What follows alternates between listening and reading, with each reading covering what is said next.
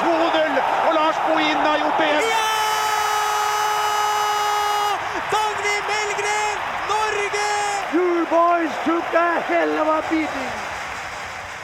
Slovenia, Bulgaria og Kypros det er Norges motstandere i Nations League og hovedtema i episode fire av eh, Podball. Denne gangen uten Jan Åge Fjørtoft, som er opptatt med andre gjøremål. Men jeg er ikke overlatt eh, helt til meg selv. Det ville blitt en uh, stusslig podballutgave. Og Derfor er det en glede å ønske landslagssjef eh, Lars Lagerbäck og trener Per Joar Hansen velkommen. Takk for det. Takk for det. Tilbake begge to fra Lausanne og trekning i Sveits til eh, Ullevål. Hvordan har du det på en relativt mild vinterdag i Oslo, Lars? Takk, det er bra. Det bruker alltid å være gøy og trivelig å få være i Oslo og Norge, så jeg klager ikke på noe sätt. Og så er jeg stolt av å ha deg i stolen, for du er nesten podkastdebutant. Du har vel vært gjest kun én gang før, stemmer det? Det stemmer bra det. Väl, man får jo så mange forfrågninger om det, så da har jeg valgt at helst forsøke å avstå helt og hållet. Men eh, arbeidsgiveren kaller, da får man jo stille opp. Ja, det er bra. Uh, Perry, sist sett på en flyplass i Brussel. Et voldsomt rykk som eh, jeg tror ingen så da du var aktiv på, på fotballbanen. For da du landa i Brussel, så gikk flyet til Oslo fem minutter senere. Men du rakk det. Ja, jeg måtte jo ta litt ekstra ansvar her, eh, Lars og spesielt Nils Johan Sem, som ikke har spesielt eh, fart i kroppen lenger. Så måtte jeg kaste meg ut av flyet og forsøke å springe til neste gate sammen med Are Hogstad for å holde igjen flyet, og det, det klarte vi. Så uh, da var det viktige, viktige spurter vi gjorde der. Det han ikke sier, eh, Lars, det er at eh, det flyet hadde venta på oss uansett. Så han følte seg lurt da han kom til gaten. Ja, precis. De har ha høye tanker om seg selv om man tror en enskild kan holde et flygplan dag. Jeg tror det er svårt for noen passasjerer å gjøre det, men det er bra at han har självförtroende. Han fikk trent litt. Det er godt. Landslagsåret 2018 det står for eh, tur, og i podball så skal vi snakke om Nations League-trekningen og Norges muligheter og utfordringer.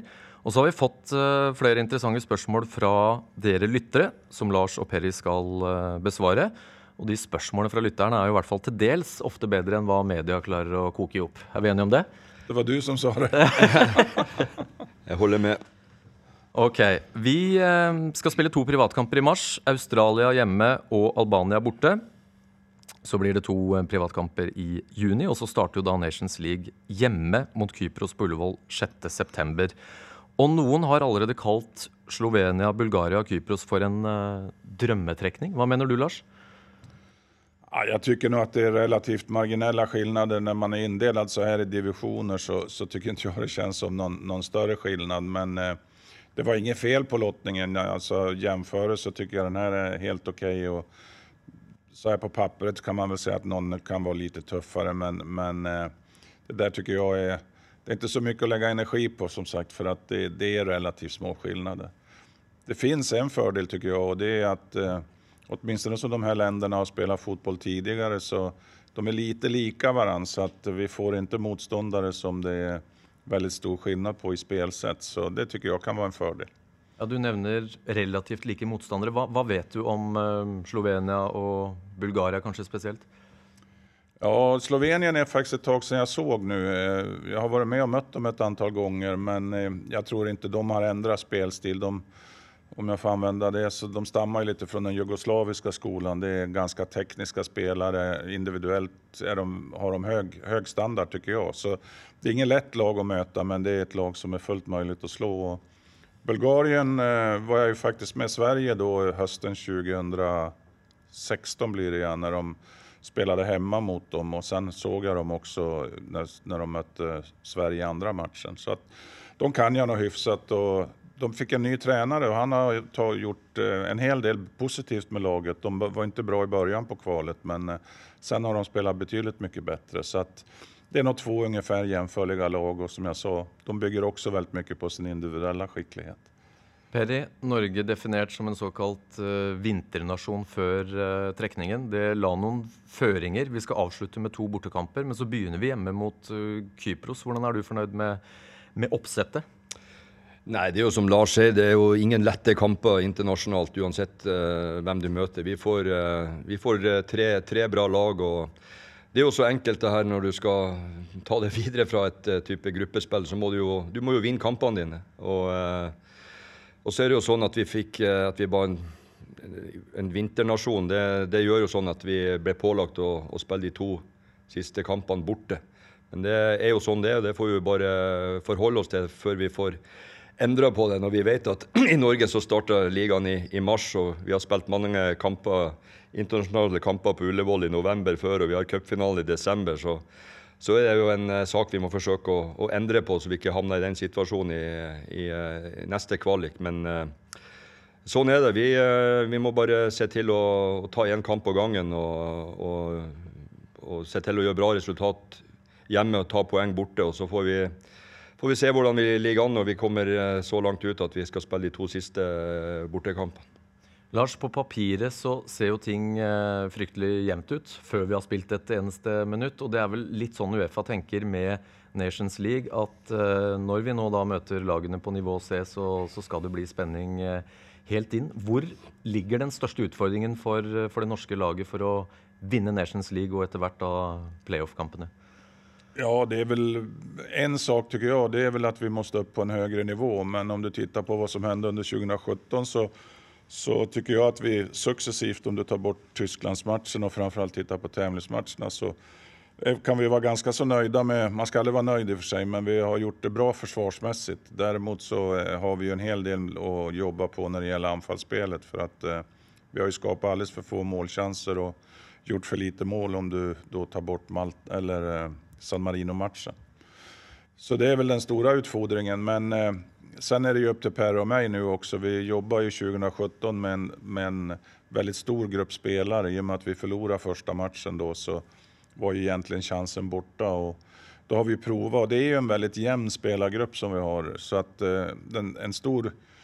En viktig fråga för Per och mig nu det är att slå fast en, en stamme spelare nu så att vi får börja organisera laget ytterligare bättre och få ännu bättre samhandling. Så att det får bli betydelig mer elitinriktet nå, om jeg kaller det så, i jämförelse med 2017. Ja, og Der kommer du meg litt i forkjøpet. fordi Jeg hadde tenkt å spørre om det med, med stamme av spillere. Vil kjernen, de du bruker nå i kampene i mars og juni, vil det bli færre nye spillere som får muligheten? Vil du forsøke å, å trimme en elver nå med tanke på det som skal skje i september? Ja, det kan man säga. Vi måste ju börja jobba mer mot en, en tänkt startelva när, när Nations League börjar. Det innebär ju inte att det blir samma startelva hela tiden. Men, och sen måste vi försöka spika nu en, en stomme på, ja helst skulle jag vilja ligga någonstans på 15-18 spelare. Sen måste man alltid ha utrymme för, det kanske är skador, det kan vara spelare som inte får någon speltid det kan dyka upp en ung spelare, eller det kan ju vara en äldre också, som tar utvecklingssteg. Så att, eh, men hitta en stomme på 15-18 spelare, det är vår målsättning. Och så successivt de här fyra matcherna vi ska ha nu under våren, att eh, jobba mer in mot en, en tenkt startelva. Perry, hvordan var 2017 eh, for deg? Du har trent uh, Rosenborg, andre klubber i Norge, vært U21-trener, vært i Sverige. Og så ble du eh, på A-landslaget sammen med, med, Lars og kasta inn da på slutten av en kvalik. Hvordan har den tida vært? Nei, Det har vært utrolig inspirerende, syns jeg. Det er jo sånn i, i, fotball, når man holder på med det her, spesielt som trener, så vet man jo aldri hva som, hva som skjer. og Det er jo veldig tilfeldige saker og ting. Men uh, jeg syns det har vært et utrolig spennende år å, å få jobbe med Lars her. Han har jo i verden, Det er vel ikke mange landslagstrenere i verden som har den eh, erfaringa med så mange, mange sluttspill som han har, og det konseptet han har. Så uh, har det vært uh, utrolig lærerikt. Og Samtidig så er jo som Lars sier, så har jo året vært en, at man har brukt 41 spillere, så er det veldig mange. Og det er høy omsetning. Fordelen er jo at uh, jeg kjente jo alle fra før, men eh, nå har jo Lars sett nesten det som kan krype, krype og gå skulle du si, av eh, norske fotballspillere med, med pass. Så eh, nå har han og de uten pass. og dem uten pass. Men, eh, så nå har han jo fått sett eh, hva, som, eh, hva vi har av, av, spillere, og da blir det òg mye enklere, og spesielt når han har fått sesongen på avstand og gjør seg opp en mening om ja, å begynne å spisse troppen litt mer og, og, prøve å få litt mer kontinuitet i en 15-18 i hvert fall, som som skal være med å dra det tyngste lasset fremover. Men du er sjefen dårlig til å takle ros. Nå er jo dette podkast, og når du begynte å rose her nå, så var det en høyre hånd fra Lars som liksom ro ned, ro ned-tegn. Ja, han liker jo ikke det, vet du. Han, eh, når han kommer fra de dype skoger i Nord-Sverige, så liker de ikke ros. og De bruker jo å si det, de som roser hverandre der. De vet ikke hvem som har det verst. Det er han som får, eller han som gir. Stemmer det, Lars? Det, blir, blir det for mange store ord innimellom? Ja, men det är väl så med det här jobbet så det, det är inte så farligt. Men det pendlar ju väldigt gärna mellan, mellan succé och fiasko i, i hur man ser på det här. Det, man får titta, lite mer på förutsättningar. Men det jag framförallt tycker det är att jag menar, jag, det är inga problem för mig att det blir fokus då oftast på, på en eller några få personer. Men det här är ju en lagidrott både om du tittar på spelargruppen men också på stöttapparaten. Har du inte en bra støtteapparat, så får du inte heller resultat. Va? Så för mig har ju det här och vi kände ju varandra lite grann, Per och jag, sen, sen hans Sverige-tid och vi har ju träffats någon gång då och då sen. Men eh, för mig har det här varit ett, ett, eh, en perfekt person att jobba med, med en väldigt tydlig fotbollsidé, pragmatisk och framförallt är han rak och ärlig. Va? Och det måste man vara inom en stöttapparat för att eh, annars är risk på att man går och är nöjd med sig själv. Man ska titta, jag brukar säga det, man ska titta sig själv i spegeln och vara en spegel för andra. Då brukar det bli hyfsat resultat. Ja, for Perry står for det vi kaller rake pucker. Ja, det är ett uttryck vi använder i Sverige. Så att, uh, han, han, är verkligen, han skulle kanske egentligen vara hockeyspelare istället. Men då, det hade väl inte blivit så bra skulle jag tro. Jag har inte sett han åka skridskor, men jag gissar att det inte är någon världsklass. Nei, jeg sier ikke det. Etter det rykket på flyplassen så er jeg ikke fremmed for å tro at uh, selv han behersker skøyter. Det kan vi jo teste ut en gang. Ja, men det var ikke skøyter på flyplassen. og det er som Lars er vel ikke verdens beste på, på skøyter. Det skal jeg ikke ta på meg, i hvert fall. Ja, nå er det Perry som tar det, tar det ned. Du vet forresten, Lars, at Trofors, hvor Perry er fra, har jo da tre rikskjendiser. Vet du, Det er jo Perry, da, selvfølgelig. Og Ja, så det er det to andre. Du vet hvem de to andre er? Nei, det har jeg faktisk aldri registrert. Skal du fortelle sjøl, Perry? Du er i godt selskap, nemlig. Ja, men det er jo de eh, Marcus og Martinus, da. De meget dyktige unge musikerne som eh, er rundt og spiller rundt. Og etter hvert fra Norge så er de jo hele, hele Europa. Gjort en fantastisk eh, karriere. og nå kjenner jo dem litt. Jeg har jo hatt dem på et par sånn fotballskoler. Begge to er jo veldig fotballinteressert og eh, har jo alltid med seg ball når de er på turneer. Men først og fremst kjenner jo faren av Kjell Erik, som vi vokste opp sammen med. Så han er vel manager for dem i dag og gjør en, en strålende jobb.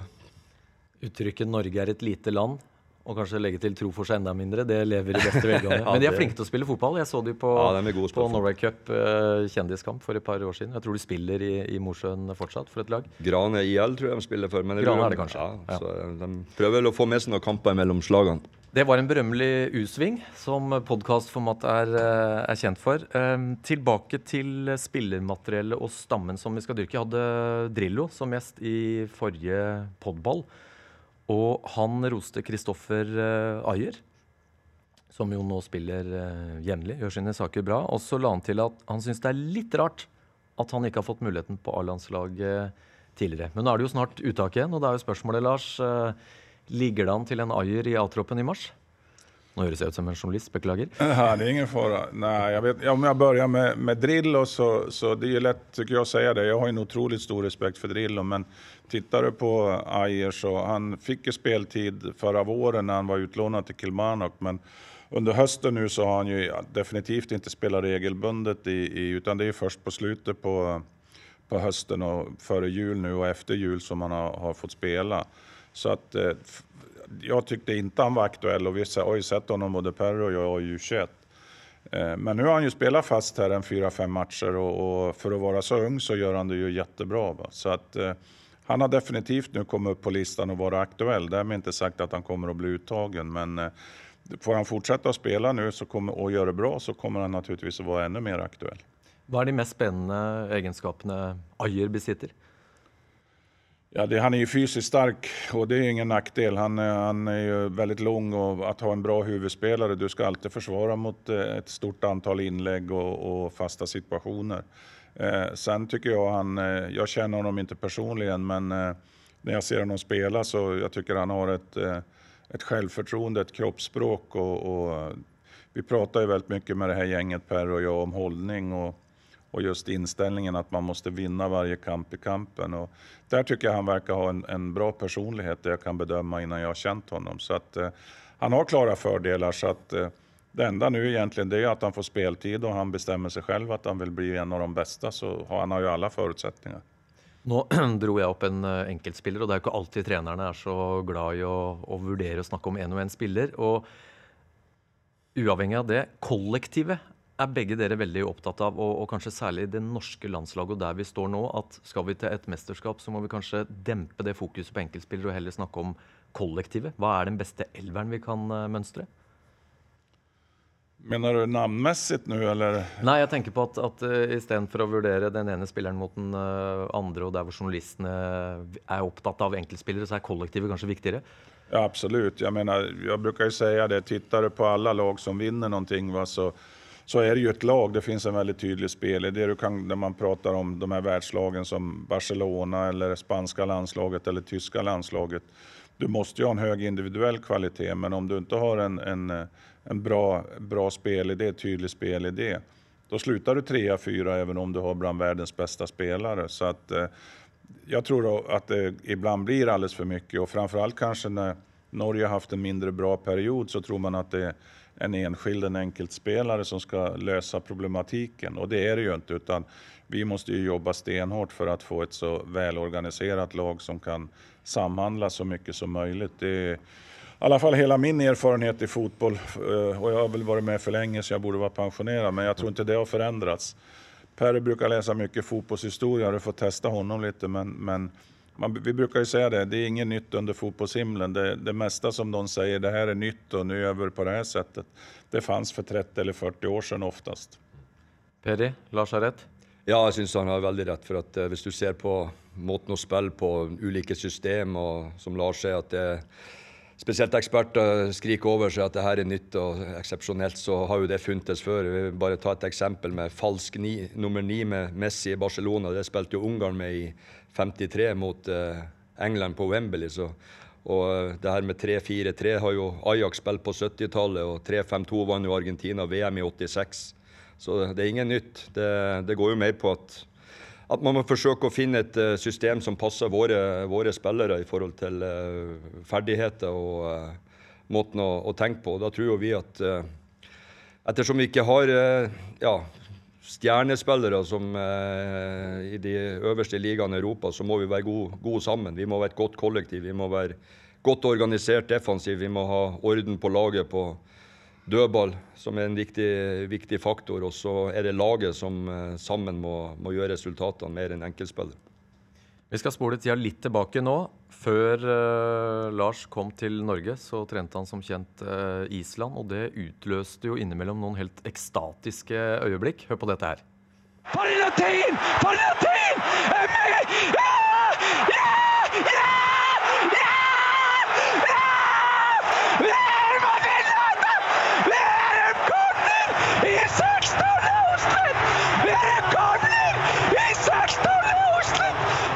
Lars, den islandske kommentatoren han, eh, han, gikk av hengslene flere ganger. Både etter Østerrike-seier og ikke minst eh, England-seier. Og dette gikk jo worldwide.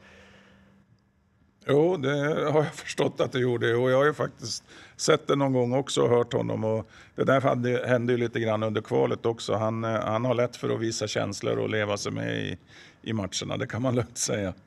Og så har jeg blitt eh, fortalt, eller jeg gjorde litt research i går, og da sto det i den islandske avisa Visir at nøyaktig ni måneder etter Islands eh, seier over England, da ble det skrevet ut historisk mange epiduraler, eh, altså smertestillende, på, på Island. Det er kanskje mange som heter Lars?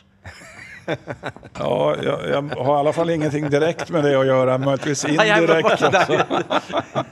Du, du var eh, indirekte årsaken til rekordutskrivningen. Ja, jeg gjorde ingen tor, tor rundt Island i hvert fall. Kjenner du mange Lars på Island utenom uh... Vi får vel se om et års tid eller sånt om det, vi, vi treffer på noen som heter Lars, men det, det vil overraske meg i hvert fall. Ja. Og for dere som da ikke kjenner Lars sin, eh, sin CV når det gjelder eh, ikke bare Island, men sluttspill. Du har altså ledet Sverige fem ganger i sluttspill, Nigeria én gang og Island én. Og når du da kommer til Norge, så er det jo noen som tar det litt for gitt at du er en uh, sluttspillgarantist, også som norsk landslagssjef. Er det et press du kjenner på, eller har du vært med så mange ganger at du ikke bryr deg katta om det? Alltså det, är ju, det är en väldigt tydlig målsättning man har. Att, att tar man ett sånt här jobb så, så vill man ju komma till slutspel. Det är liksom det absolut första målet. om du ska, ska börja prata resultatmål. Egentligen gillar jag inte det, men någon garant är jag ju inte eftersom jag misslyckas ju ett kval också. Så att, eh, att eh, man har inga garantier i det här jobbet. Men när, när jag fick frågan då och, och tog jobbet så, så tittar man ju på det, på det och, och jag menar, jag, jag kunde ju norsk fotboll hyfsat bra. Och genom åren har vi haft mycket nordiskt samarbete på olika sätt och jag har ju mött norska landslaget. Så att jag tro, trodde då och jag tror idag att det finns en realistisk möjlighet. Det gör det ju nästan alltid i fotbollen. Alltså. Men, eh, men eh, jag vill inte påstå att jag är någon garant för att da då, då kanske jag skulle i alla fall ha begärt lite högre lön. Sem, hører du på? Eh, Peri, du satt sikkert som mange andre nordmenn og lot deg imponere av Island i EM 2016. Og hvis jeg har sett riktig, Lars, så stilte du vel med samme startelver i samtlige fem kamper? Det stemmer. Hva, hva tenker du, Peri, om, om det Lars og Island eh, oppnådde der? Nei, det var jo en eh, Jeg skal ikke si noe mer om det. Det er vel sagt nok om at det var en fabelaktig eh, prestasjon. Men det, det viser jo kanskje òg hva du kan få til med et, med et, lag, så lenge du organiserer laget og får dem til å forstå at det å spille for hverandre og ha et konsept som alle har si, får i ryggmargen, og ikke minst det med kontinuitet. Klarer man å få til det, så er du jo er det mulig. Og det, vi må jo bruke det som inspirasjon og for alt det er verdt. Og selv om vi ikke har vært i sluttspill på, på, veldig veldig mange, mange, år nå, så i tillegg til Island så har du òg lag som Wales og, og Nord-Irland. De har jo ikke verdens beste spillere, dem heller. Så de er jo òg tufta på, på, på, det samme. Hard, hard jobb god organisering, eh, tro på et konsept og ikke minst eh, kontinuitet. Og Da skal du òg ha litt flaks for å slippe skader på de viktigste spillerne, og at du får lov å spille i hop et lag over tid. Så, så vet man at det er en su suksessformel. Kontinuitet er, er viktig i, i fotball. Det, det, viser all historie. Lars, Sverige, Nigeria, Island, Norge. Noen litt like fotballkulturer, tenker mange, og noen høyst ulike. Hva, hva skiller de landslagene du har trent? Ja, jag menar Sverige och Norge tycker jag nog är relativt lika. Det är väl Island också på sitt sätt. Det finns lite skillnader där tycker jag. Sen tar vi Nigeria så, så på plan tycker jag att det, det, var väldigt, spelarna var väldigt professionella men sen allting annat runt omkring och utanför plan är ju en totalt annan sätt att leva, en annan kultur, andra värderingar. Så att, det var faktiskt väldigt lärorikt trots man har hållit på med det här i många år att man får tänka till lite och förändra sitt ledarskap lite grann och sånt där. På Island tycker jag också det fanns en faktor som, som, nu är jag så gammal så yngre människor sitter väl här och tycker pensionerade gubbe. Men, eh, men eh, Island är intressant därför att det, det, är ett sånt litet land. Va? Det, det blir liksom en annan samhällskultur eller vad jag ska kalla det. Folk är väldigt vana att klara sig själv, det märker man i hela samhället. Och, och, det finns en oerhört stark känsla för att komma hem och spela. Det tycker jag det finns hos norska, svenska och även hos nigerianska spelare. Men, men det är lite speciellt. Men det, det, som fanns där var ju en oerhört stark drivkraft, både hos individen, de är ju lite egensinniga islänningar, men inte så att det går ut över att, att skapa ett team och ett lagspel. Så att, eh, där tycker de, de har en fördel då med att jag menar, när de växer upp, ingen kan gömma sig på Island. Va? Gör du något bra eller gör de något dåligt så alla vet om det i princip. Så det, finns, det, det, det är en lite annan typ av samhälle. Sen var det ju som det vi gjorde om du jämför fotbollsmässigt här då 2017 att vi provade så många spelare. Jag menar, vi hade fyra träningslandskamper innan första kvalet började och, och då hade man stommen klar i princip. Va? Då visste man vilka 15, 16, 17 spelare som skulle vara med. För det finns inte lika mycket att ta på, i, på ett land som Island. Va? Så att, eh, vi kunde börja jobba med kontinuitet ganska direkt. Och, och sen fick vi en hyfsat bra start va? och då får man ju spelarna med sig. Då tror de ju på konceptet också. Peri, vi har uh, hatt en evaluering på landslaget. 2017-sesongen er uh, satt under lupen, og der blir også spillerne hørt. Hva, hva er de viktigste konklusjonene fra, fra landslagsevalueringen?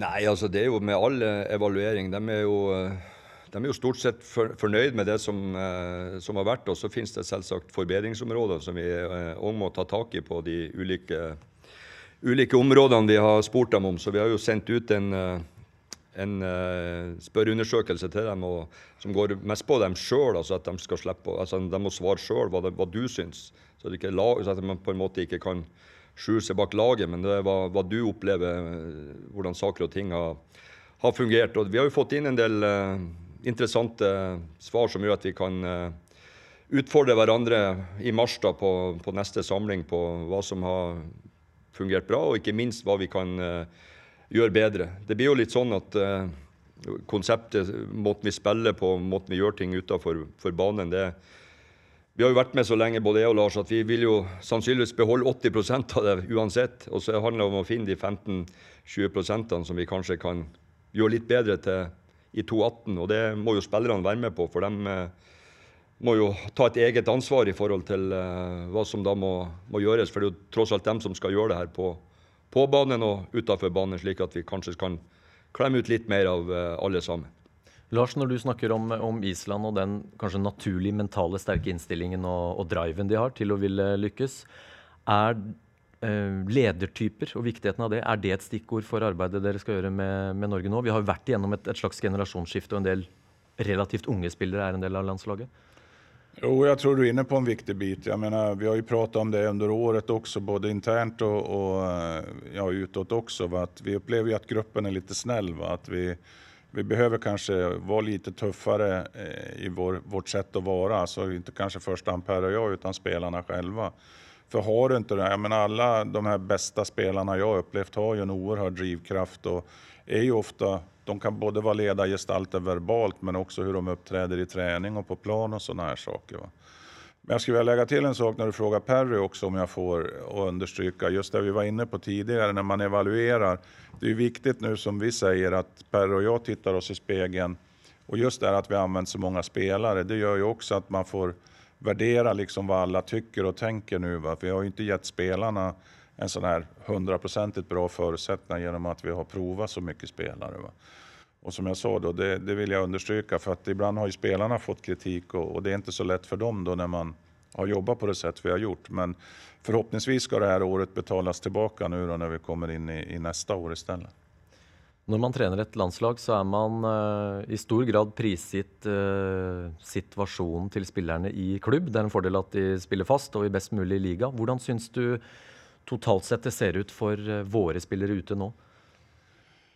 Ja, alltså tittar på, det, det, finns här i Norge som inte jag har varit med om tidigare, vad man kallar ligaindex och där har vi ju inte bra, va? som man kan värdera då i, i om vilken typ av klubb de är och vilken liga de är i. Så vi ligger ju inte på speciellt hög nivå. Men det kanske som är minst lika viktigt, det viktiga är ju naturligtvis att de spelar så högt som möjligt av speltid. Men det är också vilka roller de har i sina klubblag. Där upplever jag om du jämför med Island en skillnad att det var fler spelare där som hade en tongivande roll i sitt lag. Även om de spelar i Championship eller något, något mindre land och sånt här. Så det upplever jag kanske här i, i norska landslaget nu att, att det är inte så många spelare som har den här tongivande rollen i sitt lag. Och har man inte det, då, då blir man lätt kanske lite mera ja, vad ska jag kalla det, en komplementspelare istället för att nyttja hela sin potential och kliva fram och visa att jag är bäst här, vad jag ska ta tag i det här. Perry, uten å gå inn på enkeltspillere, er det litt for mange overganger som ikke er av den heldige sorten? At man er opptatt av uh, Agenter bak er opptatt av uh, penger og, og, og, få en spiller ut. Uh, Istedenfor å spille jevnlig i en eliteserie, så havner de på benken i utlandet. Er det, er det en utfordring for deg og Lars? Ja, det, altså, det Når spillerne velger klubb, så er jo, det er jo alltid det viktigste å velge rett klubb. For at det er klart, eh, skal du gå til utlandet, eh, hvis du spiller fast i en toppklubb f.eks. her eh, i Skandinavia, så skal du ut. Alle har jo en drøm om å dra ut, det, det får vi ikke tatt fra deg. Men det er klart at skal du velge klubb, så er det jo viktig at, at, du, at du går til en klubb som har scota det, har sett det har en plan med eh, hvordan du skal brukes. at, du, at du, du, kan jo aldri få noe garanti der ute, men at du i hvert fall eh, du vet at klubben har en plan med det. Og Der kan det jo sikkert være eh, ymse, ymse noen gang. Samtidig så skjønner man jo òg spillerne at får de mulighet til å dra ut til Europa og spille i en bedre liga, så ønsker de jo ta den sjansen og, og, og dra ut. Men sånn som det er nå, så er jo som Lars sier, så er det jo mange spiller jo jevnlig, for så vidt, da, men eh, det er veldig få som har en, eh, et lederansvar i, i, laget sitt. Så eh, vi hadde jo håpa at enda flere kan, ja, kan ta et hakk til, som at de blir enda viktigere for, for laget sitt. Altså vi, på Løkka så sa vi først, først, være første i alt. Vi skulle gjerne hatt flere som er første i alt der ute. Var du det? Ja, jeg var jo en for så vidt det, da. Men uh, det var en mindre klubb. ja, Vi skal ikke, skal ikke, analysere det. Men Lars, det jeg lurer på, når spillere da ser at det er muligheter for å gå til en annen klubb, i hvilken grad spør de deg om råd? Ja, det er en del som gjør det. Det er langt ifra alle gjennom årene, men det er en del som gjør det. Jeg har fått faktisk nå her under, under uh, vintern her noen samtaler fra spillere som har fundert litt. grann. Men uh, jeg bruker alltid si det, det, det, går jo ikke å ta beslutet. Jag det, det, handler jo også om en social sida. Jeg mener, en del har jo familie og sånt der. Va? De, måste ju också fungera socialt for dem. Men det här Per är inne på, jag säger alltid det, alltså, försök att värdera så noga du kan liksom dina chanser att spela. Passar det dig? Vad har de för tränare och sådana här saker? Va? Så att de, de, tar så kloka beslut som möjligt. För att eh, hamnar de då på bänken så är ju risk att eh, de får ta ett steg tillbaka igen och starta om karriären. Och det upplevde jag ju väldigt mycket på Sverige och, och lika här på, i Norge har det ju hänt också att, att spelare går ut och så lyckas de inte och så kommer de hem til Norge eller så får de gå til noen annan, något annat land eller nordiskt land ofta kanske där standarden då är lite lägre. Så det är svåra beslut för dem. Samtidigt tycker jag att man, har man chansen, har man inte den drivkraften så kommer man aldrig bli riktigt bra heller. Va? Så att det är inga lätta beslut men får man chansen så tycker jag att man ska ta den. Va? Podballs kampur uh, viser at vi har passert uh, halvtimen. Vi har jo sagt at vi skal holde oss på røftlig en uh, fotballomgang. Og da betyr det at det er tid for lytterspørsmål. Ja, jeg sa innledningsvis at disse spørsmålene ofte er mer intelligente enn hva journalistene er i stand til å stille. Og det kan jeg jo si med hånda på hjertet, ettersom jeg har vært i den, i den yrkesgruppa før. La oss starte her, Lars, med et spørsmål fra Sander Pipita. Han spør eh, om følgende. Er det aktuelt å ta ut unge spillere med flere nasjonaliteter på A-landslaget for å låse dem til Norge, slik som flere andre nasjoner gjør?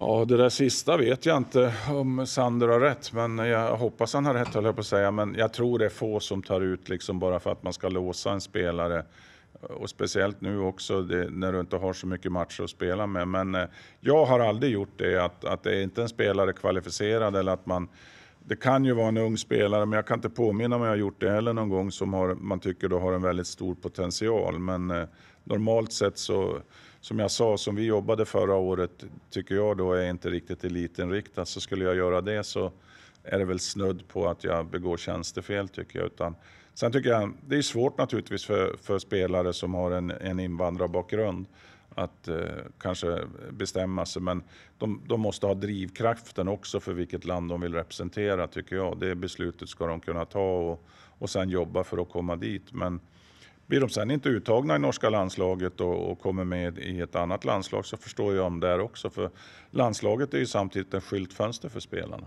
Og Perry, dette er jo et kjempevanskelig spørsmål for, for spillere ofte. Vi hadde jo Berisha-brødrene som valgte en uh, ulik løsning, hvor Veton da er, uh, fortsetter å spille for uh, Norge, og, og Valon spiller for Kosovo. Ja, nei, det, Verden forandrer seg, og som man ser hvor folk, Folkevandringen skjer jo konstant nå. Tar, det her er jo ikke bare et spørsmål som er en utfordring for oss i i Norge. Og det her er jo et spørsmål som gjelder hele Hvis du tar da eh, Europa. Vi tar jo f.eks. at det bor seks millioner tyrkere i Tyskland med tyrkisk innvandring. og du har eh, i andre store nasjoner med millioner av, eh, av folk fra andre tredjegenerasjons innvandrere. Så, men det er jo som Lars sier, kommer du det, til det punktet at du blir så god å spille fotball at du kan velge landslag, så må du på en måte velge med hva du har lyst til sjøl. Vi kan liksom ikke ta ut spillere på på bakgrunn av at vi skal forsøke å låse dem til et landslag. Det, da gjør vi jo ikke jobben vår eh, i det hele tatt. Og da får du jo, Vi har hatt masse diskusjoner rundt det her før. Vi har Selika som var U21-landslagsspiller som valgte Kosovo. Vi har eh, Valon som valgte Kosovo, Veton valgte Norge. Vi har Mix Diskerud som valgte USA. for det. Så De må jo velge sjøl. Det det syvende og siste er jo spilleren som må ta, ta, det valget. Vi kan jo liksom ikke påvirke annet enn at hvis vi mener den er god nok, så tar vi den ut. Og da er jo spilleren som må ta det endelige valget sjøl. Bra. Vi går videre med et spørsmål fra Sedeneso. Sedenso. Ja. Tror det er noe i den gata. Beklager hvis det var feil. Men han skriver følgende De to siste kampene mot Makedonia og Slovakia var jo to kamper med dårlige prestasjoner. Dere har testet flere nye spillere, som Thorsby og Ødegård. Hvordan vurderer dere de to spillerne når hele laget fungerte dårlig? Hva tenker du der, Lars? Nej, han har ju en poäng i den frågan. Det, det är ju så att det måste man ju värdera. Jag menar, fungerar inte laget bra eh, utan att gå in på vad som var bra och dåligt mot Slovakien och Makedonien. Slovakien var väl ganska okej okay egentligen.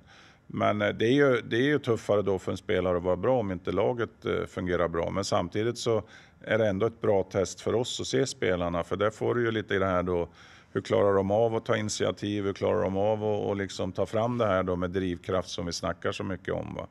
Så att, eh, men självklart ska man värdera in det. Att, eh, att han kan, en spelare gör inte, kan, det är svårare att göra en lika bra prestation i ett lag som fungerar motsatt, som motsatsen.